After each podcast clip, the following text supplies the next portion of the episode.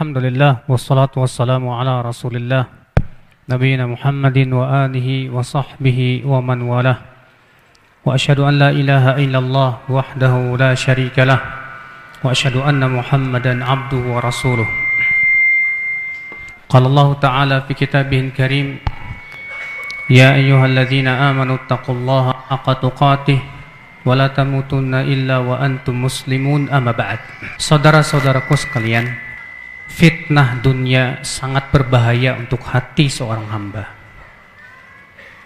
Oleh karena itulah Tidak ada satupun ayat yang memuji dunia Tidak ada juga hadis yang memuji dunia Yang ada adalah celaan, hinaan Dan ternyata kita harus hidup di dunia. Allah takdirkan kita harus hidup di dunia sebagai ujian. Maka dari itulah saudara-saudaraku sekalian, agar kita bisa berjalan di muka bumi ini dan selamat sampai pantai akhirat yang kita harapkan dan kita dambakan. Kita harus berusaha untuk menyadari tentang bahaya dan fitnah dunia.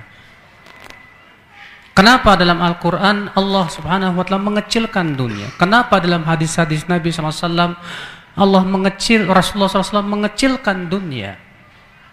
Karena memang dunia itu apabila masuk ke dalam hati kita sangat berbahaya sekali. Lihatlah, sebuah kapal yang berlayar di atas lautan. Apabila kapal itu telah dipenuhi oleh air laut, akankah ia bisa berlayar atau ia akan tenggelam? saya yakin ia akan tenggelam. Demikian pula hati, ketika hati telah dipenuhi oleh cinta dunia, ia akan tenggelam di dalam gemerlapnya dunia. Sehingga ia pun tidak bisa berlayar dan mungkin tidak sampai kepada pantai yang diharapkan. Oleh karena itulah saudara-saudaraku sekalian, Allah Subhanahu wa taala menyebutkan di dalam Al-Qur'anul Karim dan Rasulullah sallallahu alaihi wasallam.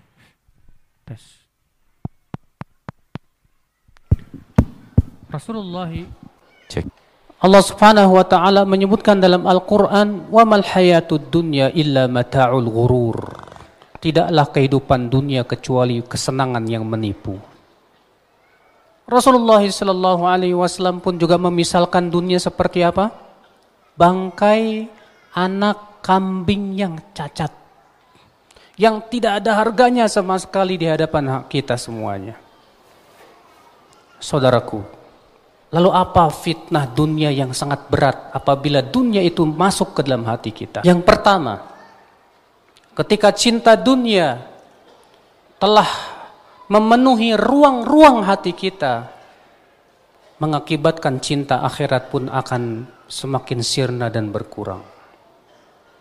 Karena cinta dunia dan cinta akhirat itu tidak akan bertemu, saudaraku. Orang yang cinta dunia, ketika cinta dunianya telah 60%, maka cinta akhirat tinggal 40%. Ketika cinta dunia itu semakin kuat di hati seorang hamba, 80% cinta akhirat tinggal 20%.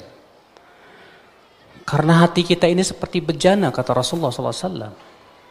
Lihat kalau kita melihat bejana, kita masukkan air padanya. Kemudian kita masukkan padanya tanah, maka air akan keluar. Demikian pula hati kita, saudara. Oleh karena itulah ya akhul Islam azani Allah wa iyakum. Orang yang memenuhi ruang-ruang hatinya dengan cinta dunia, berkuranglah dan sirnalah cinta akhirat di hatinya. Akan terlihat Orang-orang yang hatinya telah dipenuhi dengan cinta dunia itu ternyata lebih semangat kepada dunia. Ketika dipanggil kepada kehidupan akhirat, terasa berat bagi dia. Ketaatan menjadi berat dalam hidupnya. Tapi ketika ia dipanggil kepada keuntungan dunia, maka ia semangat sekali saudara. Ia lebih tertarik dengan iming-imingan dunia daripada iming-imingan akhirat. Di saat dipanggil hayya 'alas shalah, hayya 'alal falah. Berapa gelintir orang yang datang ke masjid. Tapi ketika diumumkan sebelum sholat, nanti setelah sholat akan ada pembagian setiap orang 2 juta. Kira-kira gimana Pak? Mungkin masjid sudah penuh sekali Pak. Lihat, ia tidak kurang tertarik dengan mengucapan hayya alal falah. Mari kepada keberuntungan. Padahal keberuntungan akhirat itu lebih besar saudaraku. Tapi ketika mendengar keuntungan dunia, ia begitu semangat sekali. Itu menunjukkan bahwa cinta dunianya telah begitu besar di hatinya saudaraku. Kalaulah ia cinta akhiratnya besar di hatinya, ia akan lebih semangat kepada apa? Pahala akhirat. Subhanallah. Ketika mendengar pahala akhirat, sesuatu yang besar di hatinya. Suatu ketika dalam hadis yang diriwayatkan dalam Bukhari dalam sahihnya, ada seorang sahabat baru datang di majlis Rasulullah SAW. Lalu Rasulullah SAW bersabda ya, dalam hadis yang riwayat Bukhari tersebut, siapa yang berwudu seperti wuduku ini kemudian mengucapkan asyhadu an la ilaha illallah wa asyhadu anna muhammadar rasulullah akan dibukakan untuknya delapan pintu surga. Apa kata sahabat ini? Bah, bah, luar biasa sekali. Masya Allah. Demikian memang orang pecinta akhirat itu akan lebih tertarik dengan pahala akhirat saudaraku. Tapi ketika dunia telah kokoh di hati kita, cinta akhirat berkurang. Semangat menuju akhirat pun berkurang. Ketaatan berat bagi dia. Kecuali kalau ada keuntungan dunianya. Kalau nguntungin, datang. Pas pemilu, muncul di masjid pak Habis pemilu wallahu a'lam. Kenapa? Karena ternyata iming-iming dunialah yang ia yang membuat ia mau melangkahkan kakinya ke masjid. Kalaulah di hatinya akhirat selalu, maka kapan pun ia akan terus berusaha untuk pergi ke masjid memakmurkan masjid-masjid Allah Subhanahu wa taala. Ia ingin masuk dalam firman Allah, "Innama ya'muru masajidallah man amana billah wal yaumil akhir wa aqama as-salah wa ata zakah wa lam yakhsha illallah."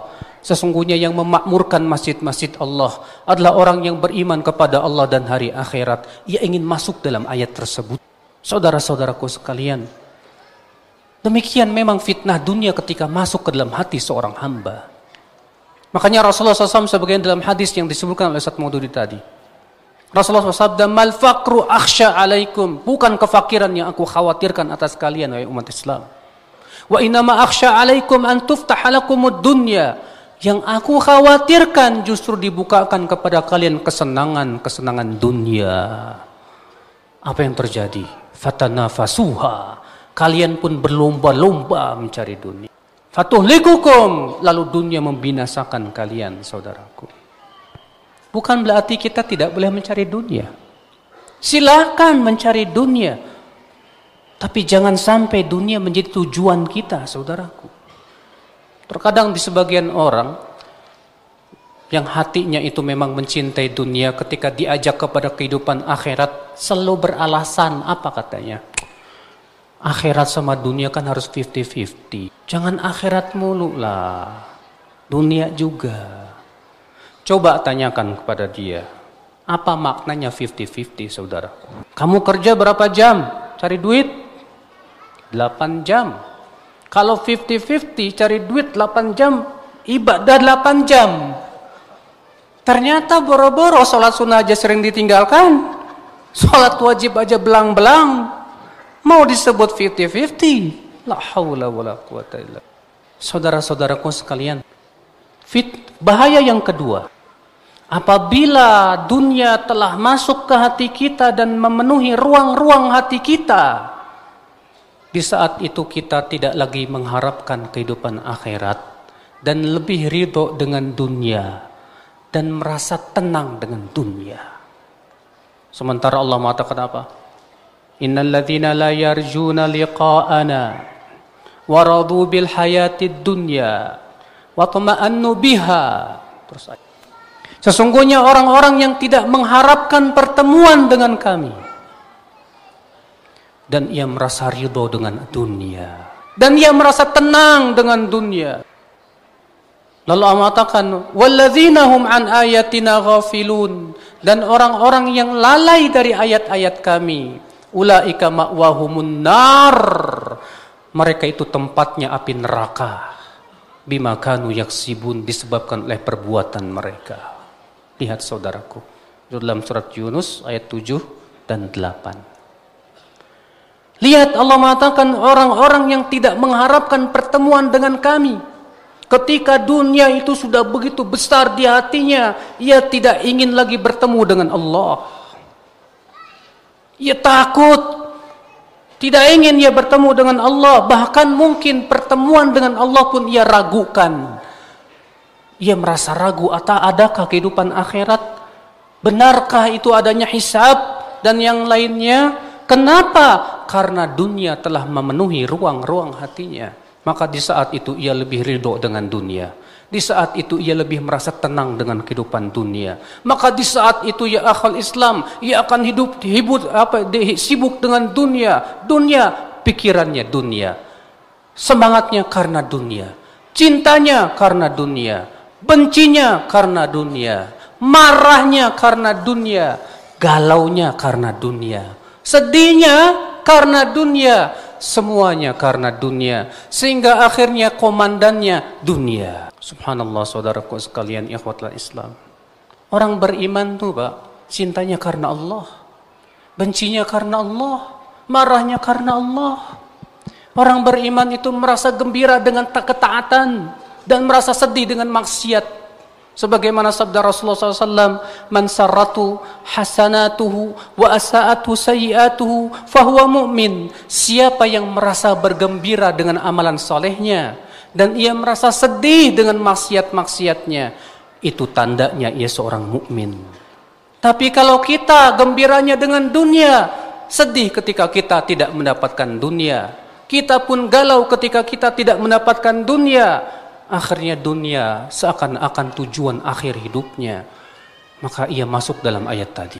Nasallallahu salamata wal afiyah Isya sebentar lagi. Di antara fitnah dunia saudaraku sekalian apabila dunia telah memenuhi ruang-ruang di hati maka ia akan merusak agama seorang hamba. Rusak agama. Makanya Rasulullah SAW bersabda madhi bani ja'i'an ursila fi ghanamin bi afsadalaha mimman harisal mala wa syarafa lidinihi. Tidaklah dua ekor serigala lapar yang dilepaskan pada sekelompok domba dan kambing lebih merusak agama seseorang daripada orang yang tamak terhadap dunia dan harta, harta dan kedudukan.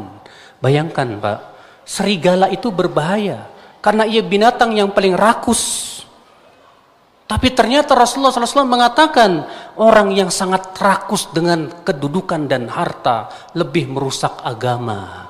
Lebih merusak agama. Rusak agamanya saudaraku. Akhirnya tidak perlu lagi halal haram. Bagi dia nggak penting. Yang penting saya dapat uang. Yang penting saya dapat kedudukan. Apakah sesuai dengan syariat atau tidak? Apakah ini halal, ini haram? Bodoh amat. Akhirnya dunia agama dia rusak. Dirusak oleh dunia dan cinta dunia. Demikian kita persiapan untuk sholat isya dulu. Wabillahi taufik assalamualaikum warahmatullahi wabarakatuh.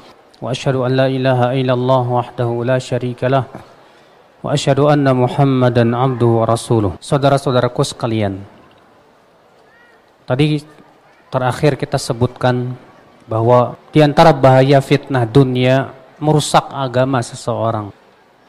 Tidak lagi peduli dengan batasan-batasan Allah Subhanahu wa taala.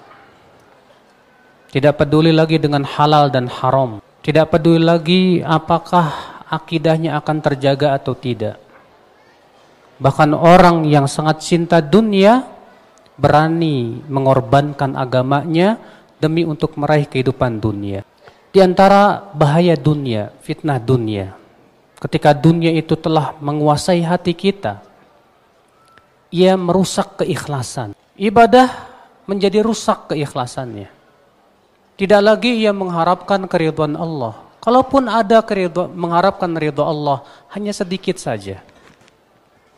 Tapi niat dia, keinginan dia yang terbesar di hatinya adalah dunia.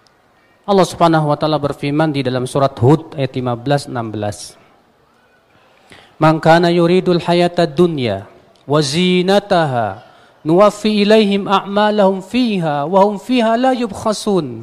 Ulaika alladhina laysa lahum fil akhirati illa an-nar wa habita ma sana'u fiha wa batilum ma kanu ya'malun.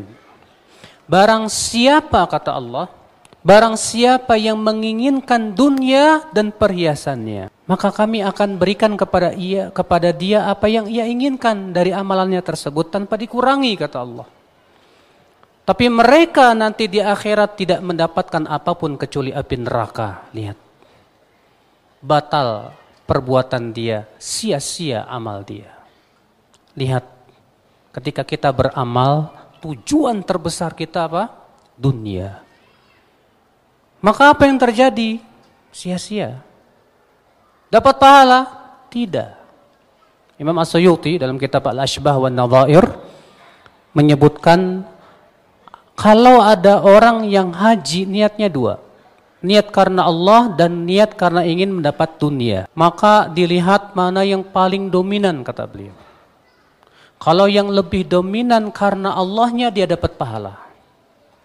Tapi kalau yang lebih dominan karena dunianya, dia dapat dosa. Kalau ternyata karena Allah dan karena dunianya 50-50, seimbang, kata beliau tasa kopot, saling berguguran. Tidak dapat pahala, tidak dapat dosa. Nol.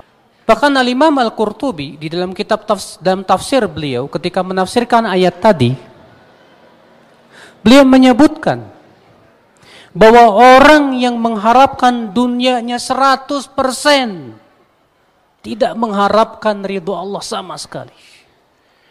Maka ini termasuk syirik besar kata beliau. Subhanallah saudara-saudaraku sekalian ikhwatul iman. Maka dari itulah ya akal Islam berapa banyak orang yang menginginkan dunia rusak keikhlasannya itu Pak.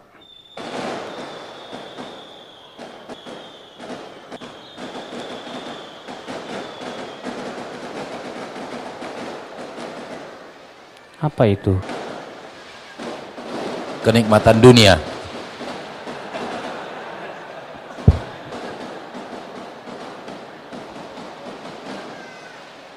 Ini insya Allah contoh acara dunia dan acara akhirat Ustaz. Contoh acara dunia dan acara akhirat insya Allah ya Ustaz ya.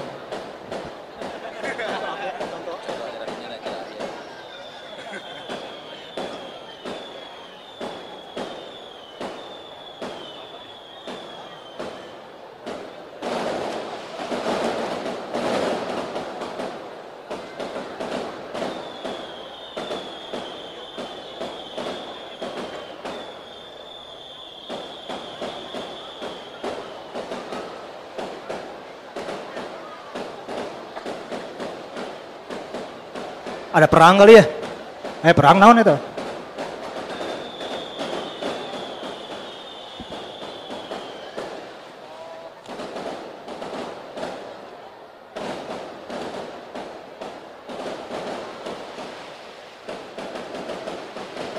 Ini siapa yang lagi sunatan, Mas?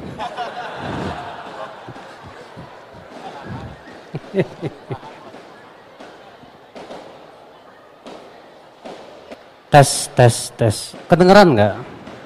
Kedengeran? Baik. Jadi ini bahaya cinta dunia. Aduh, masya Allah.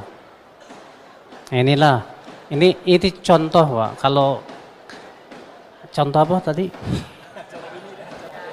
Contoh dunia. Di sini contoh akhirat insya Allah. Kemudian saudara-saudaraku sekalian yang terakhir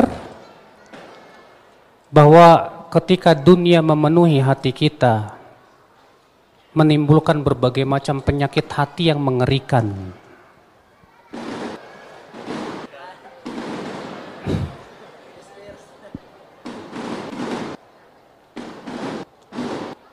Emang tiap malam minggu di sini gini ya? Hah? Oh, kirain suka pada ke sini. Bahwa cinta dunia itu saudaraku, menimbulkan penyakit-penyakit hati yang mengerikan. Timbul sifat sombong, seperti si korun yang sombong dengan hartanya.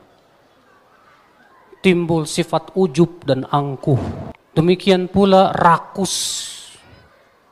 Demikian pula bakhil bin Qoret alias Madid. Dan penyakit-penyakit hati yang lainnya yang luar biasa mengerikan saudaraku sekalian. Sombong saja sudah cukup memasukkan ia ke dalam api neraka. Kata Rasulullah ya jannah tidak akan masuk surga orang yang ada dalam hatinya sebesar biji sawi dari kesombongan. Ujub saja sudah cukup ia menjadikan ia diadab dalam kuburnya. Sebutkan dalam hadis baina rajulun yamshi qad a'jabatu jummatuhu kata Rasulullah. Ketika ada seorang laki-laki berjalan kaki dan ia telah merasa ujub dengan rambutnya yang bagus, tiba-tiba Allah tenggelamkan ia ke dalam bumi dan ia terus diadab dalam kuburnya. Merasa ujub dengan rambutnya yang bagus, merasa ujub dengan pakaiannya yang indah, itu saja sudah menyebabkan adab ya akhwal Islam. Bagaimana kalau kita merasa ujub dengan mobil kita? Oh nih, mobil saya BMW. Pas ngelihat Avanza, hmm, Avan Aza. ya akhi, ujub dengan dunia itu menyebabkan kita diadab oleh Allah Subhanahu wa taala. Hati-hati saudaraku. Penyakit ini berat sekali, mengerikan sekali. Banyak orang yang tidak sadar terkena penyakit-penyakit hati karena cinta dunia tersebut, saudaraku. Semoga kita dilindungi oleh Allah dari cinta dunia yang berlebihan.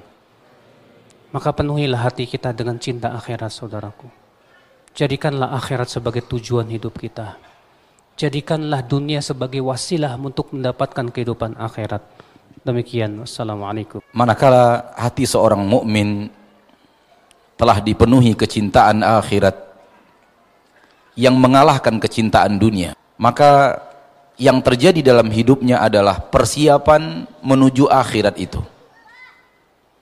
Dengan segala persiapan-persiapan akhirat yang telah diajarkan Allah, dicontohkan Rasulullah sallallahu alaihi wasallam. Dan seorang mukmin yang hatinya telah dipenuhi kecintaan akhirat, hatinya selalu mendambakan pertemuan dengan akhirat itu. Dan tidak ada yang bisa membuat dia bertemu dengan akhirat kecuali dia akan mendahul kecuali dia harus melalui sesuatu yang bernama kematian. Maka kematian bagi seorang mukmin sesuatu yang dia tunggu-tunggu mengakhiri hayatnya di atas ketaatan. Karena bagi seorang mukmin yang mencintai akhirat tidaklah kehidupan dunia melainkan persiapan menuju akhirat itu. Hari demi hari yang dia lalui adalah penantian datangnya kematian dan dia selalu bersiap di atas ketaatan sebagai wujud dari perintah Allah wala tamutunna illa wa antum muslimun. Jangan wafat kecuali dalam keadaan Islam. Jangan wafat kecuali dalam keadaan taat. Innamal ibratu bil khawatim. Penilaian Allah terhadap seorang hamba tergantung bagaimana seorang mukmin seorang mukminah mengakhiri hayatnya di permukaan bumi maka kehidupan dunia di sudut pandang seorang muslim adalah persiapan menuju akhirat. Hari demi hari yang kita lalui adalah hari demi hari mendekati waktu yang namanya kematian. Sehingga dengan mengingat kematian seorang hamba selalu bersiap untuk berhadapan dengan hari akhir. Makanya Nabi kita tercinta dalam hadis yang sahih riwayat Abu Dawud. Memerintahkan kita untuk selalu memperbanyak ingat kematian Akthiru min dzikri hadimil ladzat. Perbanyaklah oleh kalian ingat yang akan menghancurkan kelezatan dunia. Di dalam riwayat lain bacaannya akthiru min dzikri ladzat. Perbanyak oleh kalian selalu mengingat pemutus kelezatan. Lihat bagaimana Nabi kita tercinta sallallahu alaihi wasallam memerintahkan kita untuk selalu ingat kematian agar kita bersiap untuk apa yang terjadi pasca kematian itu. Kalau hidup kita di permukaan bumi tidak cukup satu hari, maka kehidupan kita di hari akhirat adalah untuk selama-lamanya tanpa batas waktu. Dan seorang yang cerdas adalah bersabar dalam kehidupan yang tidak cukup satu hari, menanti datangnya kematian untuk kemudian menikmati kenikmatan selama-lamanya di kehidupan tanpa batas waktu. Dan itulah kehidupan seorang mukmin yang diajarkan Allah tabaraka wa taala, yang diajarkan dan dicontohkan Rasulullah sallallahu alaihi wasallam. Orang mukmin bersabar dengan kehidupan dunia. Baik di atas ketaatan dia tetap bersabar agar tetap kontinu di atas ketaatan. Baik terhadap maksiat dia tetap bersabar agar bisa terus menjauhi maksiat. Agar di atas seluruh bencana dia tetap bersabar atas ridho tentang keputusan yang diberikan Allah tabaraka wa taala kepadanya dengan harapan sabarnya itu akan membawa kepadanya kenikmatan di akhirat kelak.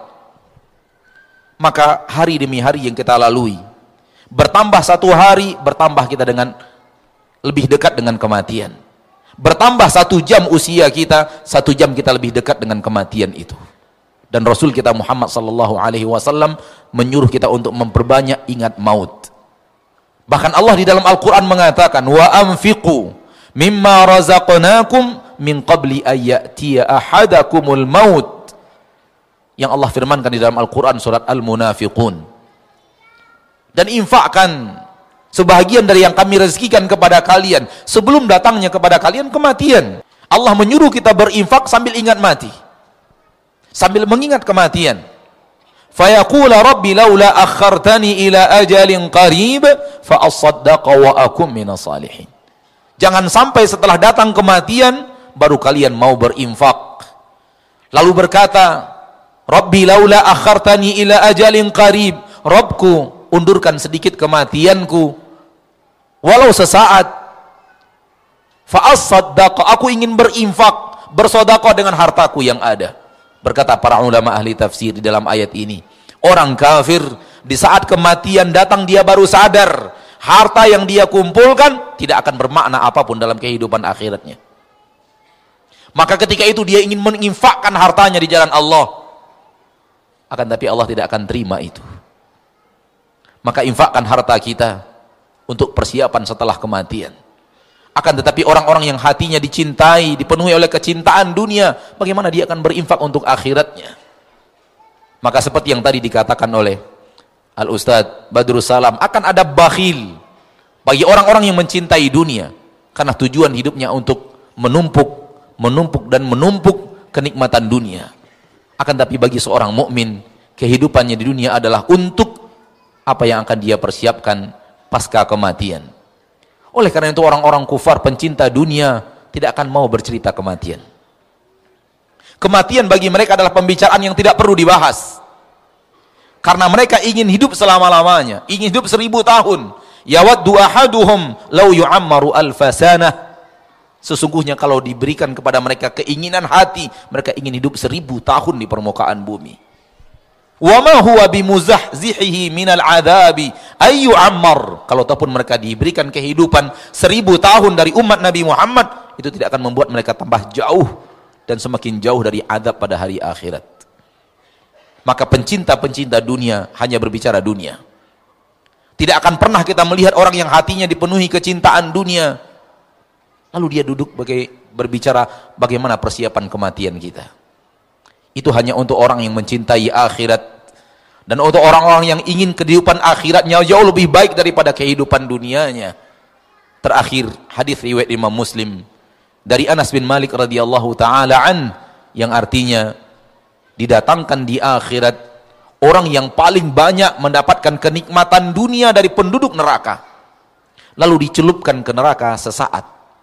Kemudian diangkat dari neraka dan Allah bertanya, "Hal marqab hal marrabika ni'matun qattu?" Apakah pernah berlalu satu nikmat saja dalam kehidupanmu wahai hamba? Orang itu berkata, tidak pernah berlalu dalam hidupku nikmat apa pun.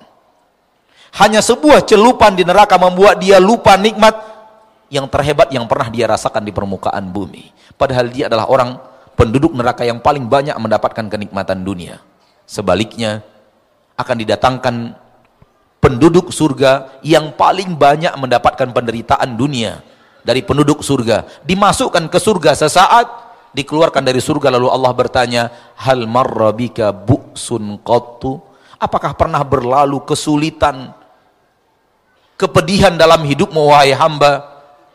Ia menjawab tidak pernah berlalu sedikit pun kepedihan dan kesulitan dalam hidupku sesaat di surga membuat dia lupa seluruh penderitaan dunia Maka inilah yang harus kita usahakan. Jangan sampai hati kita terikat dengan dunia sehingga kita membenci apa yang akan kita persiapkan. Pembicaraan tentang apa yang kita siapkan pasca kematian. Rasul kita sallallahu alaihi wasallam menyuruh kita mengingat kematian dan berbicara kematian agar kita bersiap untuk kehidupan yang kekal abadi di hari yang tidak akan ada masa berakhirnya. Mudah-mudahan bermanfaat dan insya Allah kita akan lanjutkan dengan menjawab pertanyaan kaum muslimin dan muslimat manakala kita memiliki ilmunya wa sallallahu wasallam wa baraka wa an'am ala abdihi wa rasulihi Muhammad. Baik, pada ikhwan, ini sudah banyak masuk tapi ada juga ikhwan yang via pertanyaan pakai kertas tapi diusahakan nanti via mic ya. Sebelum kita masuk sesi tanya jawab ada hadiah seperti biasa. Bagi antum yang mencatat dari A sampai Z. Yang mencatat di buku? Ada yang mencatat? Lengkap? Cuman segitu lengkap? Oh, Masya Allah. Ada yang lebih lengkap? Yang via buku? Mencat, antum? Lengkap? Masya Allah. Berapa lembar itu? Tiga lembar. Siapa lagi mencatat? Lengkap? Taib. Antum? Antum? Yang mencatat via handphone? Antum? Yang via handphone? Biasanya handphone langsung di, di posting nanti nih soalnya. Lebih banyak lagi nanti yang bermanfaat bagi teman-teman di sosmednya. Yang anak kecil tersebut mencatat via handphone? Benar? Benar beliau yang menulis Bapak? Bapaknya. Antum mencatat di handphone? Insya Allah lengkap? Insya Allah lengkap. Baik. Silakan, tolong. Ada lagi yang handphone yang lengkap? Waduh. Masya Allah. Barakallahu fiqh. Nanti mudah-mudahan bisa bermanfaat kepada teman-teman sosmed antum ya.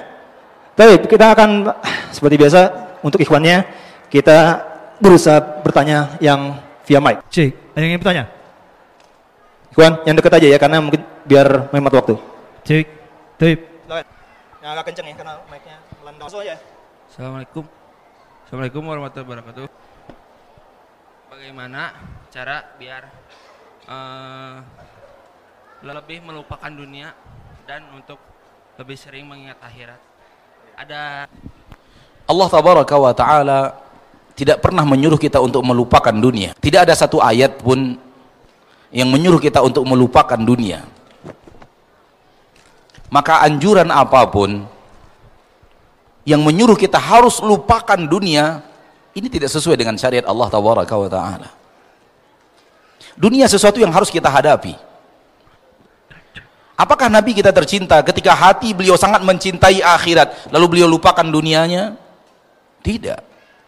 Beliau sebagai pemimpin manusia di, per, di permukaan bumi ketika hidup di permukaan bumi akan tapi kepemimpinan itu tidak beliau letakkan di hatinya. Beliau pemegang kunci perbendaharaan Baitul Mal yang di dalamnya menumpuk kekayaan-kekayaan kaum muslimin. Akan tapi hati beliau tidak mencintai itu. Dan beliau memberikan dunia yang sebatas yang beliau anggap cukup untuk keluarganya, istri dan anak-anaknya. Apa yang kita bicarakan tadi dari awal sampai akhir, sedikit pun apabila kita ulang kembali, itu tidak ada satu himbauan pun untuk melupakan dunia. Bagaimana kita kita mungkin bisa melupakan dunia? Sementara di dalam hati kita sudah ada fitrah yang Allah tanamkan kecintaan terhadap dunia. Yang sedang kita bahas sekarang adalah jangan sampai kecintaan terhadap dunia itu mengalahkan kecintaan terhadap akhirat akhirat lebih baik daripada dunia lebih baik agar kita lebih mencintainya daripada dunia Orang yang hatinya lebih mencintai akhirat, dia tidak akan mau diberikan tawaran dunia yang akan merusak akhiratnya. Namun tawaran dunia kalau tidak merusak akhirat, ahlan wa sahlan wa marhaba. Selamat datang dunia dan kenikmatannya kalau tidak akan menghancurkan kehidupan akhirat. Allah berfirman di dalam Al-Qur'an surat Al-Ankabut ayat yang ke-77.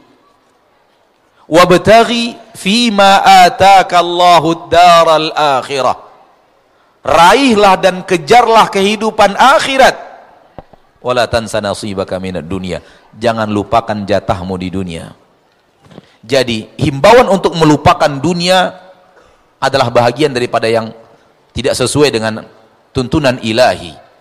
Yang benar adalah kecintaan kita kepada akhirat harus jauh lebih besar daripada dunia.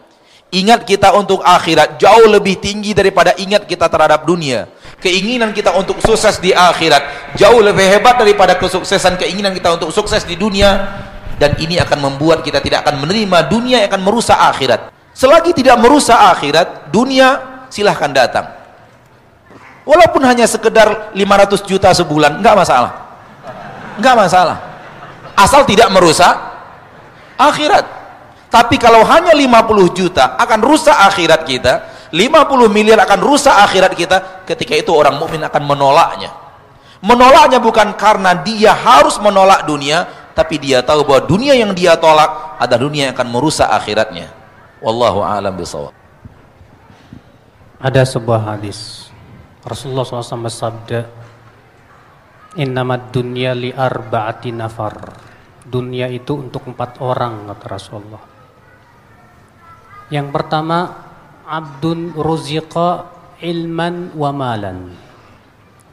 Seorang hamba yang diberikan oleh Allah rezeki ilmu dan harta. Ya. Maka ia dengan ilmunya bertakwa kepada Allah dan menyambung silaturahimnya. Dan ia pun melaksanakan hak hartanya.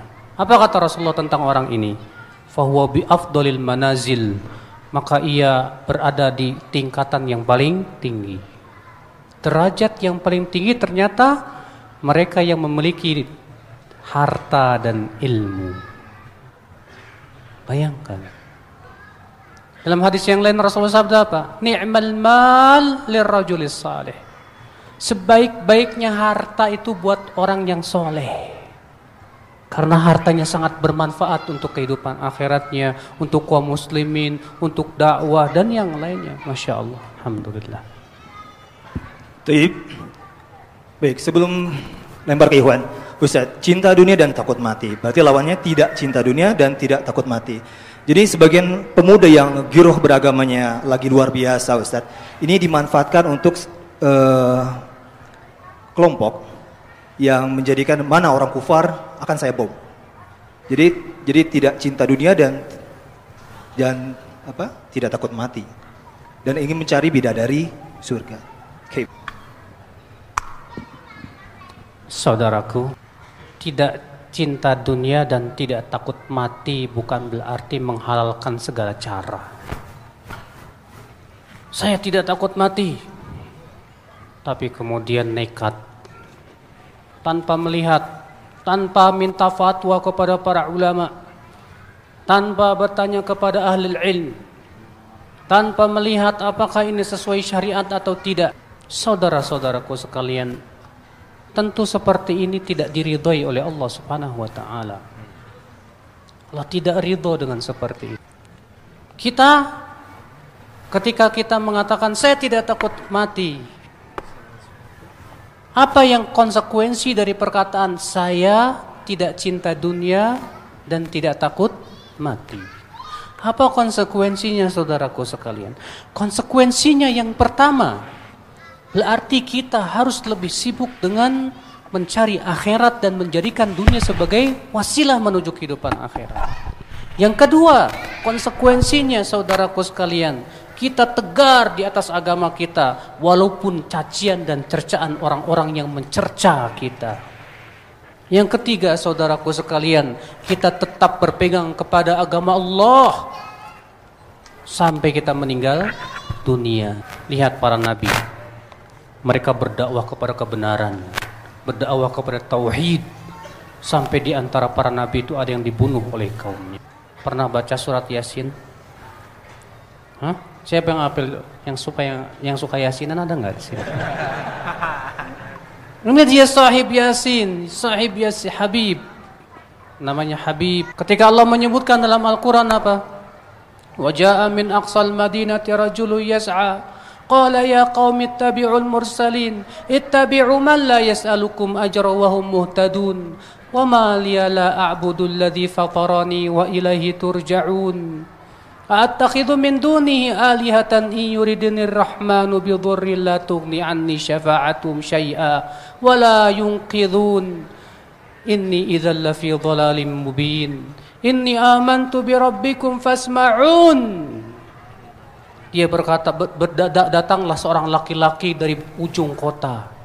Dan berkata, hai kaumku, ikuti para rasul. Ikuti mereka-mereka yang tidak minta upah kepada kalian. Bagaimana aku tidak akan menyembah Tuhan yang telah menciptakan aku? Apakah aku akan mengambil selain Allah sebagai tandingan-tandingan? Kalau seperti itu aku termasuk orang-orang yang tersesat. Sesungguhnya aku beriman kepada Rabb, kepada Allah Subhanahu wa taala. Dengarkan ucapanku. Apa yang terjadi, Pak? Gara-gara dia mengucapkan itu, kaumnya memukulinya sampai mati. Lalu Allah berfirman apa? Khulil jannah. Lalu dikatakan kepada dia, masuklah kamu ke surga. Qala ya laita qaumi ya'lamun. Ternyata setelah dimasukkan ke surga masih saja sayang sama kaumnya. Dia berkata, andaikan kaumku mengetahui. Bima ghafaroli rabbi wa ja'alani minal mukramin. Andaikan kaumku tahu jika Allah telah mengampuni dosaku dan Allah telah menjadikan aku orang-orang yang mulia. Bayangkan, ini orang pada sudah dipukuli kaumnya, dibunuh oleh kaumnya. Ketika dia dimasukkan ke surga oleh Allah, dia berkata apa? Andaikan kaumku tahu. Sementara ada orang yang mengaku saya tidak takut mati, maunya kaumnya dibunuhin sama dia. Dibomin sama dia. Tidakkah ia berusaha untuk sayang kepada kaumnya, memberikan hidayah dengan dakwah? Ya akhwal Islam azani Allah. Bukan seperti itu aplikasi. Tidak cinta dunia dan tidak takut mati. Tidak demikian. Allah Di dalam hadis sahih riwayat Imam Muslim, Nabi kita Muhammad sallallahu alaihi wasallam bersabda, Barang siapa yang membunuh dirinya dengan menusukkan pisau di perutnya, maka dia akan melakukan itu di neraka jahanam khalidan mukhalladan fiha. Dan barang siapa yang membunuh dirinya dengan cara terjun dari sebuah bukit atau gunung maka dia akan terjun dari sebuah bukit dan gunung di dalam neraka khalidan mukhalladan fiha. Hadis sahih dari Imam Muslim. Maka mengakhiri hayat dengan usaha seorang insan mengakhiri hayat bukanlah syariat Allah bukanlah syariat Allah. Kematian saudaraku haknya Allah untuk menentukan kapan datangnya. Maka Allah tabaraka wa ta'ala dalam agamanya yang mulia Islam di dalam agama yang mulia Nabi tercinta di dalam sunnahnya yang mulia tidak pernah menganjurkan siapa pun dari umatnya untuk memiliki campur tangan di dalam kematiannya. Dan inilah yang difatwakan oleh seluruh ahli ilmu yang mu'tabar di permukaan bumi sekarang ini kalau ataupun ada usaha untuk berjihad di jalan Allah, bukan berarti itu aksi konyol bunuh diri. Sehebat apa pun seorang Umar bin Khattab di dalam kemampuannya berperang tak pernah tiba-tiba datang ke tengah musuh sendirian tanpa perintah dari Nabi kita tercinta sallallahu alaihi wasallam. Dan sehebat apa pun seorang Khalid bin Walid tidak melakukan hal yang sama tanpa perintah dari Nabi kita tercinta sallallahu alaihi wasallam. Naam, umat Islam tidak takut mati, tapi umat Islam tidak cari mati. Wallahu a'lam. Baik, Masya Allah. Jazakallah Antum, silakan. Yang paling dekat, nah, antum dulu. Assalamualaikum warahmatullahi wabarakatuh. Jazakallah khair. Uh, saya seorang pemimpin, pemimpin rumah. Saya memimpin beberapa gerbong ataupun orang di belakang saya yang sudah saya dakwahi dengan uh, dakwah dengan sikap dengan dalil tetapi seperti keras hati. Nah, yang saya saya, saya ingin tanyakan bagaimana solusi menghadapi orang-orang yang saya pimpin. Jazakallah khair. Assalamualaikum warahmatullahi wabarakatuh. Buat pemimpin. Satu lagi buat yang tadi bertanya. Fatuh. Allah berfirman dalam Al-Quranul Karim tentang dakwah para nabi dan para rasul. Wa ma alaina illal balagul mubin. Tidak ada kewajiban kami kecuali menyampaikan. Maka orientasi dakwah bukanlah sampai kepada titik orang itu harus ikut dakwah. Tapi orientasi dakwah adalah kebenaran itu disuarakan. Kebenaran itu disampaikan. Kebenaran itu disampaikan kepada orang yang akan kita nasihati. Adapun perkara orang yang kita nasihati siapa pun dia istrikah namanya anakkah namanya orang tuakah namanya pamankah namanya budakkah namanya pembantukah namanya bukanlah merupakan kewajiban seorang yang menasehati harus sampai kepada titik orang tersebut harus ikut kebenaran. Kalau itu bukan tugas para nabi dan para rasul maka merupakan sebuah aib bagi orang di zaman sekarang ingin sampai kepada target yang Allah tidak pernah memerintahkan Nabi dan Rasul untuk sampai kepada target tersebut.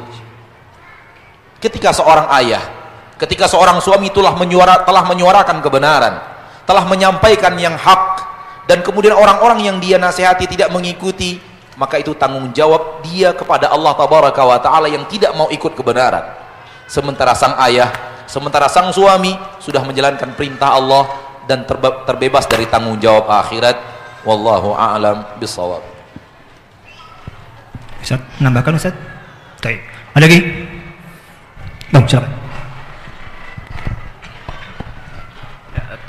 Assalamualaikum warahmatullahi wabarakatuh. Terkait amalan akhirat kan ada yang ada faedah-faedahnya tentang dunia. Apakah kita boleh berharap tentang dunia itu terus mengerjakan akhirat tersebut gitu? Terima kasih jazakallah. Hadiah buat antum. Hadiah buat Syekh ini. Ini hadiah Syekh, silakan Syekh. Fadal Syekh. Antum nggak usah bertanya sih. Nanti susah pertanyaannya. Sebelumnya saya mau tanya ya. Pertanyaan antum tadi maksudnya bolehkah kita mengharapkan dunia Misalnya amalan tersebut bisa menghasilkan dunia gitu. Contoh silaturahim bisa memanjangkan umur, meluaskan rezeki. Sekarang saya mau tanya sama antum, tolong jawab. Kalau antum silaturahim 100% hanya karena mengharapkan ridho Allah saja. Dan tidak mengharapkan yang dua tadi. Kira-kira Allah beri tidak? Hah? Diberi. Diberi kan? Berarti itu sudah janji Allah kan? Selesai permasalahan. Jadi terkadang sebagian orang ada orang ber, berpikir gini, kalau saya nggak niatin itu nanti Allah nggak kasih saya. Wallah ini seuzon kepada Allah. Cukup anda niat ikhlas karena Allah, adapun janji-janji itu tuh sudah tanggung jawab Allah. Wallahu la yukhliful mi'ad. Allah tidak pernah menyalahi janjinya. Sama sekali. Keutamaan amalan itu baru didapatkan oleh seorang hamba manakala amalannya diterima kalau bisa kita maknai dalam kehidupan kita bahwa fadilah amal adalah bonus daripada amal itu sendiri setelah pahala yang akan diharapkan oleh seorang hamba di sisi Robnya kalau amalannya sendiri tidak diterima bonusnya dari mana untuk diterimanya sebuah amal syaratnya jelas lakukan ikhlas kepada Allah ikuti tuntunan sunnah Rasulullah kalau antum mengharapkan dunia dari sebuah amalan, berarti antum tidak ikhlas. Kalau antum tidak ikhlas, amalannya tidak diterima, bonusnya dari mana, Mas? Wallahu a'lam. Baik, Afwan. Uh, satu pertanyaan mungkin Ikhwan, habis itu saya akan bertanya via yang di kertas. Silakan. Bismillahirrahmanirrahim. Assalamualaikum warahmatullahi wabarakatuh. Saya uh, kemarin Pak Ustadz ada teman bertanya sama saya ada seorang ibu-ibu yang anaknya sakit, kebetulan sakit dan dia udah lama ditinggal sama suaminya meninggal. Nah, e, ketika itu kondisinya lagi nggak ada uang sama sekali dan sudah ikhtiar katanya ke tetangga, ke saudara-saudaranya pinjam nggak ada. Terus ada seseorang yang mau menolongnya dengan syarat tuh pergi ke gereja tersebut dan di gereja itu bakal dikasih uang tetapi harus masuk dulu Kristen. Nah, e, setelah itu e, karena kondisinya mendesak, ibu itu e, keluar keluar dari ya Islam gitu kan. Nah, tapi ibu-ibu bertanya ke teman saya itu, sana apakah saya boleh misalnya kan setelah pindah agama itu dikontrol ya sama pihak itunya saya berpegang teguh sama Islam tapi posisi saya sekarang karena lagi mendesak eh, kalau dari status mereka saya keluar Islam gitu, apa itu diterima atau gimana maksudnya? Diperbolehkan atau gimana? Nah, itu saya nggak bisa jawab, makanya saya minta jawaban dari Pak Ustadz. Sekian, jazakumullah khair. Assalamualaikum warahmatullahi wabarakatuh. Ini salah satu contoh mendahulukan kehidupan dunia dibanding akhirat. Betapa banyak orang-orang yang akhirnya harus tutup usia untuk mempertahankan akidahnya. Dan itu terjadi dari fase dakwah Mekah, Madinah sampai sekarang. Apa pun yang akan memberikan kehancuran akhirat, seorang mukmin tidak boleh masuk ke dalamnya. Agama Islam mengharamkan umatnya untuk keluar dari agamanya walau hanya satu detik. Oleh karena itu apa yang dilakukan ini adalah suatu kebatilan suatu kemurtadan. Walaupun kemudian dia mengatakan sebenarnya di hati saya begini begini. Akan tapi lisannya telah menyatakan kekufuran. Dan orang yang sengaja melafazkan kekufuran dengan dengan lisannya bisa membuat dia keluar dari agama Allah tabaraka wa taala. Lebih baik baginya bersabar. Toh pada dasarnya sehat pun dia akan bertemu juga dengan yang namanya kematian. Wallahu a'lam. Tentunya si ibu ini kalau memang ternyata dia bodoh dan tidak tahu kita ajarkan beritahu kepada dia ibu ibu sudah murtad kewajiban ibu untuk kembali mengucapkan dua kalimat syahadat perbuatan ibu ini sangat tidak diridhoi oleh Allah Seakan kalau ibu istiqomah di atas Islam Allah akan menyia-nyiakan ibu. Jangan sampai ibu menukar akidah ibu demi untuk mendapatkan sesuap nasi. Lebih baik kita mati dalam keadaan di atas akidah Islam daripada kita harus menukar agama kita dan akidah kita, Ibu. Wanita ini harus kita kuatkan akidahnya. Wanita ini harus berusaha kita bimbing terus, jangan dibiarkan, kasihan. Maka dari itu berapa banyak orang-orang yang akibat kebodohan dalam masalah ini, Pak. Dia mengira hal ini dianggap sebagai darurat. Sehingga membolehkan ia untuk pindah agama demi untuk mendapatkan dunia sedikit. Oleh karena itulah memang kebodohan itu musuh terhadap diri sendiri. Maka kita berusaha untuk dakwahi ia. Pahamkan ia, kuatkan akidahnya, kuatkan keimanannya. Allah a'lam. Dan kepada ibu tersebut Ustaz, misalkan eh, harus kembali bersyahadat bila. Jadi mudah-mudahan nanti bisa disampaikan ke ibunya dan mudah-mudahan Allah memberikan hidayah taufik dan berikan salam dari dia buat aku. Baik, kita akan beralih ke pertanyaan dari akhwat. Assalamualaikum ya Ustaz.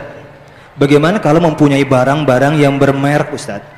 Bolehkah saya mengingat-ingat kualitas tersebut dan uh, berbangga atau senang dengan barang-barang merek tersebut dari Fulana disebutkan namanya dan disebutkan juga nomor teleponnya.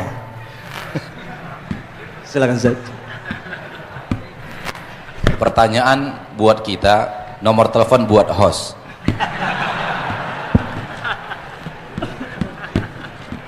Ustaz mau Ustaz mau Dodi lagi jomblo loh. Ustaz silakan ini nomor teleponnya Ustaz doakan semoga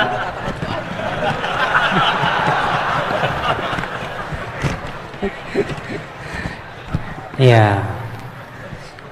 Kita mendoakan mudah-mudahan mendiang istrinya diampuni oleh Allah Subhanahu wa taala, diangkat derajat. Allahumma firlah. Dan beliau diganti dengan yang lebih cantik dan lebih solehat. Amin ya rabbal alamin. Tadi pertanyaannya apa sih? Mempunyai barang-barang yang bermerek dan senang dengan akannya, Ustaz. Kita beli barang, tapi yang bermerek, tujuannya apa? Bukankah Rasul sabda innamal a'malu bin niat? Kalau tujuannya hanya untuk berbangga-bangga, wah nih saya mereknya mantap nih, maka itulah ujub yang dilarang. Tapi kalau tujuannya kalau barang yang bermerek itu biasanya kuat, bagus, mendingan saya beli yang kuat, mahal dikit nggak apa-apa lah daripada beli murahan tapi cepat rusak silakan nggak masalah kalau memang kita punya nikmat bukankah Rasul sabda Allah yuhibbu an yara an atau an yura atharu nikmati ala abdi? Sesungguhnya Allah yuhibbu suka an yara melihat bekas nikmat itu ada pada hambanya. Kalau kita beli tujuannya adalah untuk seperti itu, bukan untuk berbangga-bangga sama sekali, tidak. Tapi karena supaya ini lebih kuat, mahal dikit nggak apa-apa, bisa biar bisa dipakai saya pakai bertahun-tahun, silahkan, gak masalah. Namun tentunya saudaraku, setiap kita yang mau berbelanja sebelum belanja tanyakan dulu apa manfaatnya saya beli ini. Untuk akhirat saya atau untuk dunia saya. Pertanyaan kedua, apa jawaban kita nanti di hari akhirat ketika Allah bertanya, dari mana kamu beli dan untuk apa kamu gunakan? Karena Rasulullah SAW sabda, la tazalu qadama abdin yawmal qiyamah hatta yus'al an arba' Senantiasa seorang hamba akan terus berdiri pada hari kiamat sampai ditanya tentang empat perkara. Di antaranya apa? An malihi, tentang hartanya. Dari mana ia ambil? Untuk apa ia infakkan? Penting setiap kita sebelum beli apa pun introspeksi dulu, muhasabah dulu, Muhasabah dulu. Saya beli ini apa tujuannya? Untuk apa? Apa manfaatnya untuk agama saya? Kalau ternyata saya beli ini untuk akhirat saya nggak ada manfaatnya, untuk dunia saya nggak ada manfaatnya, ternyata ini juga melalaikan saya, membuat saya sombong atau ujub, langsung infakin aja deh. Daripada itu membahayakan akhirat kita, menjerumuskan kita ke dalam api neraka. Allahu a'lam. Ustaz, permasalahan yang dilihat efek setelah berbelanja. Kalau efeknya membuat kita semakin dekat dengan yang dilarang Allah, maka itu adalah perbelanjaan yang di dalamnya tidak ada berkah. Namun kalau efek setelahnya tidak membuat kita semakin dekat yang dilarang dengan yang di, semakin dekat dengan apa yang dilarang di dalam syariat, maka belanja itu sifatnya mubah tidak ada dosa dan tidak ada pahala. Jadi belanja yang seperti itu antara dua antara mubah atau sarana menuju maksiat. Sekiranya hanya sampai kepada titik mubah tidak ada dosa dan tidak ada pahala akan tetapi ingat manusia sering sombong karena itu. Wallahu a'lam Taib, dari ini ada pertanyaan dari seorang ibu untuk anaknya yang dicintai karena Allah insyaallah taala Ustaz Anak saya akhwat usia 14 dan 17 tahun. Ada dua nampaknya akhwat. Dan sangat hobi olahraga softball. Mungkin bahasa ininya softball. Kasti Ustaz. Okay. Kasti modern. Berprestasi juara nasional.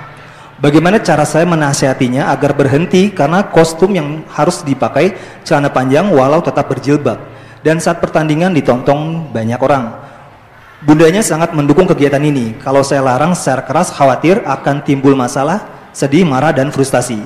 Alhamdulillah anak saya hadir di kajian ini dan sudah sering didatang sudah sering datang ke kajian walaupun masih harus diajak dan pakaian di kajian serta yang di luar kajian berbeda. Di luar kajian belum memakai jilbab yang lebar. Ini ibunya menulis uh, pakai komputer dan di print. Ini masya Allah soal ibu yang mencintai anaknya karena Allah. Mudah-mudahan anaknya mendengarkan dan, dan terketuk hidayah taufik insyaallah taala. Anak tadi berbahagialah dan berbanggalah punya ibu yang sangat memperhatikan agamanya. Karena sebaik-baik orang tua adalah yang memperhatikan agamanya, bukan sebatas dunianya. Nabi Yakub ketika hendak meninggal dunia dikumpulkan anak-anaknya apa pertanyaan Nabi Yakub kepada anak-anaknya? Ma ta'buduna min ba'di? Hai anak-anakku, apa yang akan kalian sembah setelahku nanti?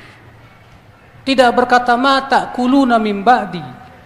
Apa yang akan kamu makan setelahku nanti? Orang tua yang bijak itu yang selalu berusaha bagaimana memperhatikan akhirat anaknya. Itu orang tua yang patut kamu syukuri. Namun tentunya ibu, ibu untuk merubah butuh yang pertama penguatan akidah. Sebab ketika akidah lemah di hati seorang hamba, akan terasa berat ia untuk meninggalkan sesuatu yang sangat ia sukai dalam kehidupan dunia. Oleh karena itulah para rasul mereka fokus dulu kepada dakwah akidah, akidah, akidah untuk menumbuhkan apa? Rasa takut kepada Allah, rasa cinta kepada Allah. Ketika rasa takut kepada Allah telah muncul, insya Allah dia akan berusaha untuk sami'na wa ata'na. Maka dari itulah ibu kuatkan akidah dia, ingatkan ia tentang kematian, ingatkan ia tentang kehidupan akhirat, kenalkan ia kepada Allah, jadikan ia cinta Allah, jadikan diingatkan tentang adab Allah Subhanahu wa taala. Ketika ibu berusaha dan terus sabar sambil berdoa, insya Allah Allah bukakan pintu hatinya untuk mendapatkan hidayah dan ia pun mau untuk menaati Allah dan Rasulnya. Allahu kalau apa yang disampaikan oleh Abu Yahya tentang kalimat kepada ibunya maka saya ingin berbicara kepada anaknya. Dunia tidak sampai satu hari. Kalau kita sudah bertemu dengan akhirat kita seakan sadar sesadar-sadarnya usia kita di dunia ini tak cukup satu hari. Sebagaimana yang sudah kita bawakan ayatnya di dalam Al-Quran surat Al-Mu'minun mudah-mudahan ketika ayat itu kita bacakan Ananda sudah ada di masjid ini. Pertanyaannya wahai Ananda, apakah usia kita yang tidak sampai satu hari ini kita gunakan untuk hal yang bertabrakan dengan apa yang diinginkan Allah dan Rasulnya? Apakah kita rela menjadikan hidup kita yang tidak cukup satu hari ini kemudian kita menjalankan sesuatu yang secara syariat tidak diridhoi Allah tidak diridhoi Rasulullah sallallahu alaihi wasallam. Kalau toh pun Anda kemudian menang dan membawa piala, sampai di mana piala itu? Kalau toh pun Anda kemudian menang, kemudian nama Anda harum, sampai di mana harum nama itu? Karena di atas maksiat kesuksesan apa pun adalah penderitaan. Bukankah manusia yang paling sukses dunia dalam kepemimpinan bernama Fir'aun? Tapi apakah menurut agama Allah dia adalah orang yang sukses? Bukankah orang yang terkaya di permukaan bumi adalah korun? Apakah dalam ilmu syariat dia dianggap orang yang sukses? Apalagi hanya seorang pemenang apa yang tadi dikatakan ibu. Tidak sampai kepada kehebatan kepemimpinan Fir'aun juga tidak sampai kepada kekayaan korun insyaallah taala. Lalu untuk apa kita terlalu bela mati-matian? Semoga saja bermanfaat. Wallahu alam bisawab Baik, pertanyaan terakhir. Mungkin dari Ikhwan. Dari tadi. Silakan. Mungkin ini pertanyaan terakhir ya.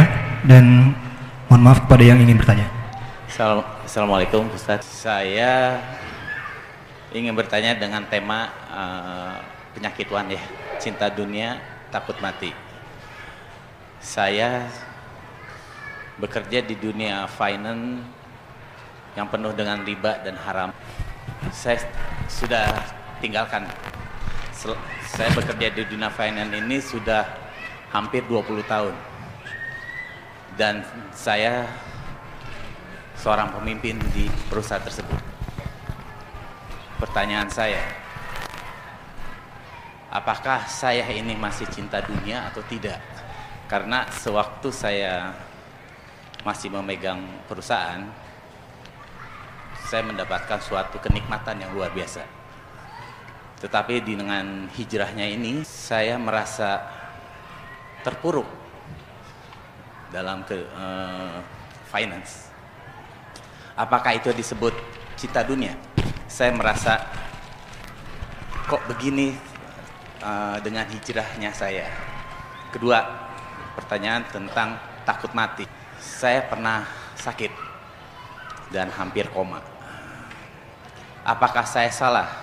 Saya punya perasaan takut mati. Cuma itu aja, Ustaz. Terima kasih. Sebentar, sebentar. Eh, keluarnya udah berapa lama? Setahun kemarin, nah, dua tahun. Saya sudah hijrah, insya Allah dua tahunan. Terima kasih. Assalamualaikum. Assalamualaikum. Bapak, silakan. Ini hadiah buat antum. Fadl, tolong dibantu.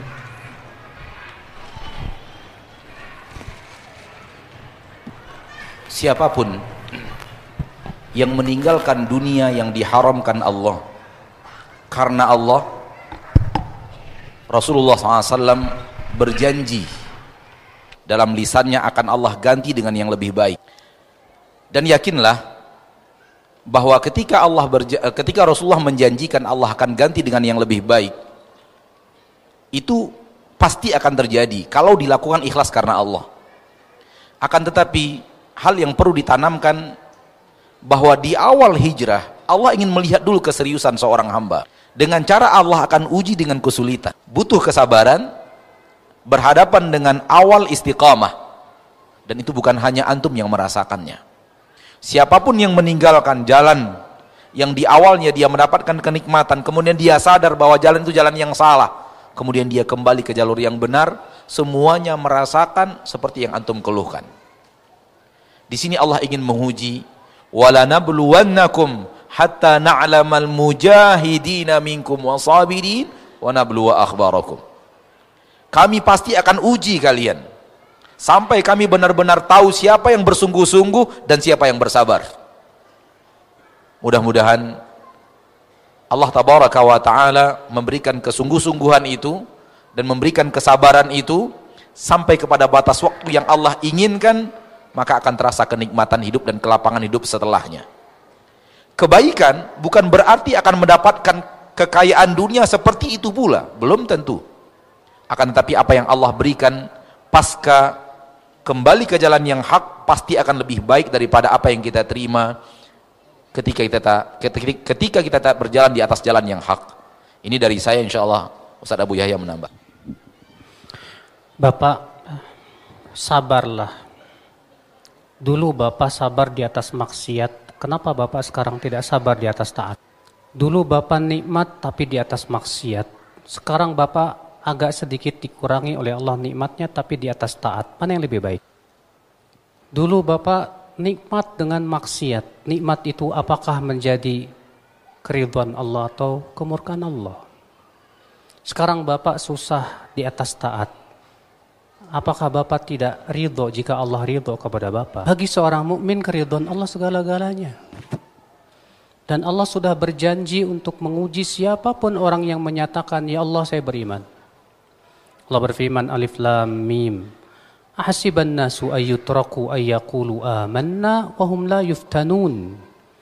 Alif Lam Mim, apakah manusia mengira akan dibiarkan berkata, kami beriman sementara ia tidak diuji? Tidak mungkin. Walaqad fatanna alladhina min qablihim kata Allah. Sungguh kami telah menguji orang-orang sebelum mereka. Fala ya'lamanna alladhina sadaqu wa la ya'lamanna al-kadhibin. Dengan ujian itu kami tahu siapa yang jujur imannya dan siapa yang dusta. Sabarlah. Ini ujian untuk Allah ingin melihat kesungguhan Anda untuk hijrah di jalan Allah. Ingatlah janji Allah pasti benar, Pak. Allah berfirman, "Wa may yattaqillaha yaj'al lahu makhraja wa yarzuqhu min haitsu la yahtasib." Barang siapa yang bertakwa kepada Allah, Allah akan berikan jalan keluar dan Allah berikan rezeki dari arah yang tidak disangka-sangka. Dan Allah tidak pernah menyalahi janjinya. Yakinlah Bapak bahwasannya apa yang Allah janjikan kepada Bapak, insya Allah Bapak tinggal menunggu waktunya. Sekarang yang ada adalah kuatkan kesabaran. Dan jangan Anda berkata, sampai kapan saya sabar? Dan jangan juga Anda berkata, kesabaran saya sudah menipis. Itu artinya Anda tidak sabar. Jangan pula Anda berkata, tapi kan kesabaran ada batasnya. Tidak. Rasulullah bersabda apa? Inna satakunu atharah Nanti akan muncul pemimpin-pemimpin yang lebih mementingkan dirinya daripada rakyatnya. Fasbiru, sabarlah kalian. Sampai kapan? Hatta talqauni al-haud. Sampai berjumpa denganku di telaga haud. Sabarnya sampai sampai berjumpa dengan Rasulullah di telaga haud. Masya Allah. Kesulitan dunia sedikit. Sabar di dunia, manfaat. Mana yang Bapak lebih pilih? Sabar di dunia atau sabar di neraka? Sabar di neraka sudah tidak ada manfaatnya Pak. Tapi sabar di, di dunia besar sekali manfaatnya. Luar biasa. khair insyaallah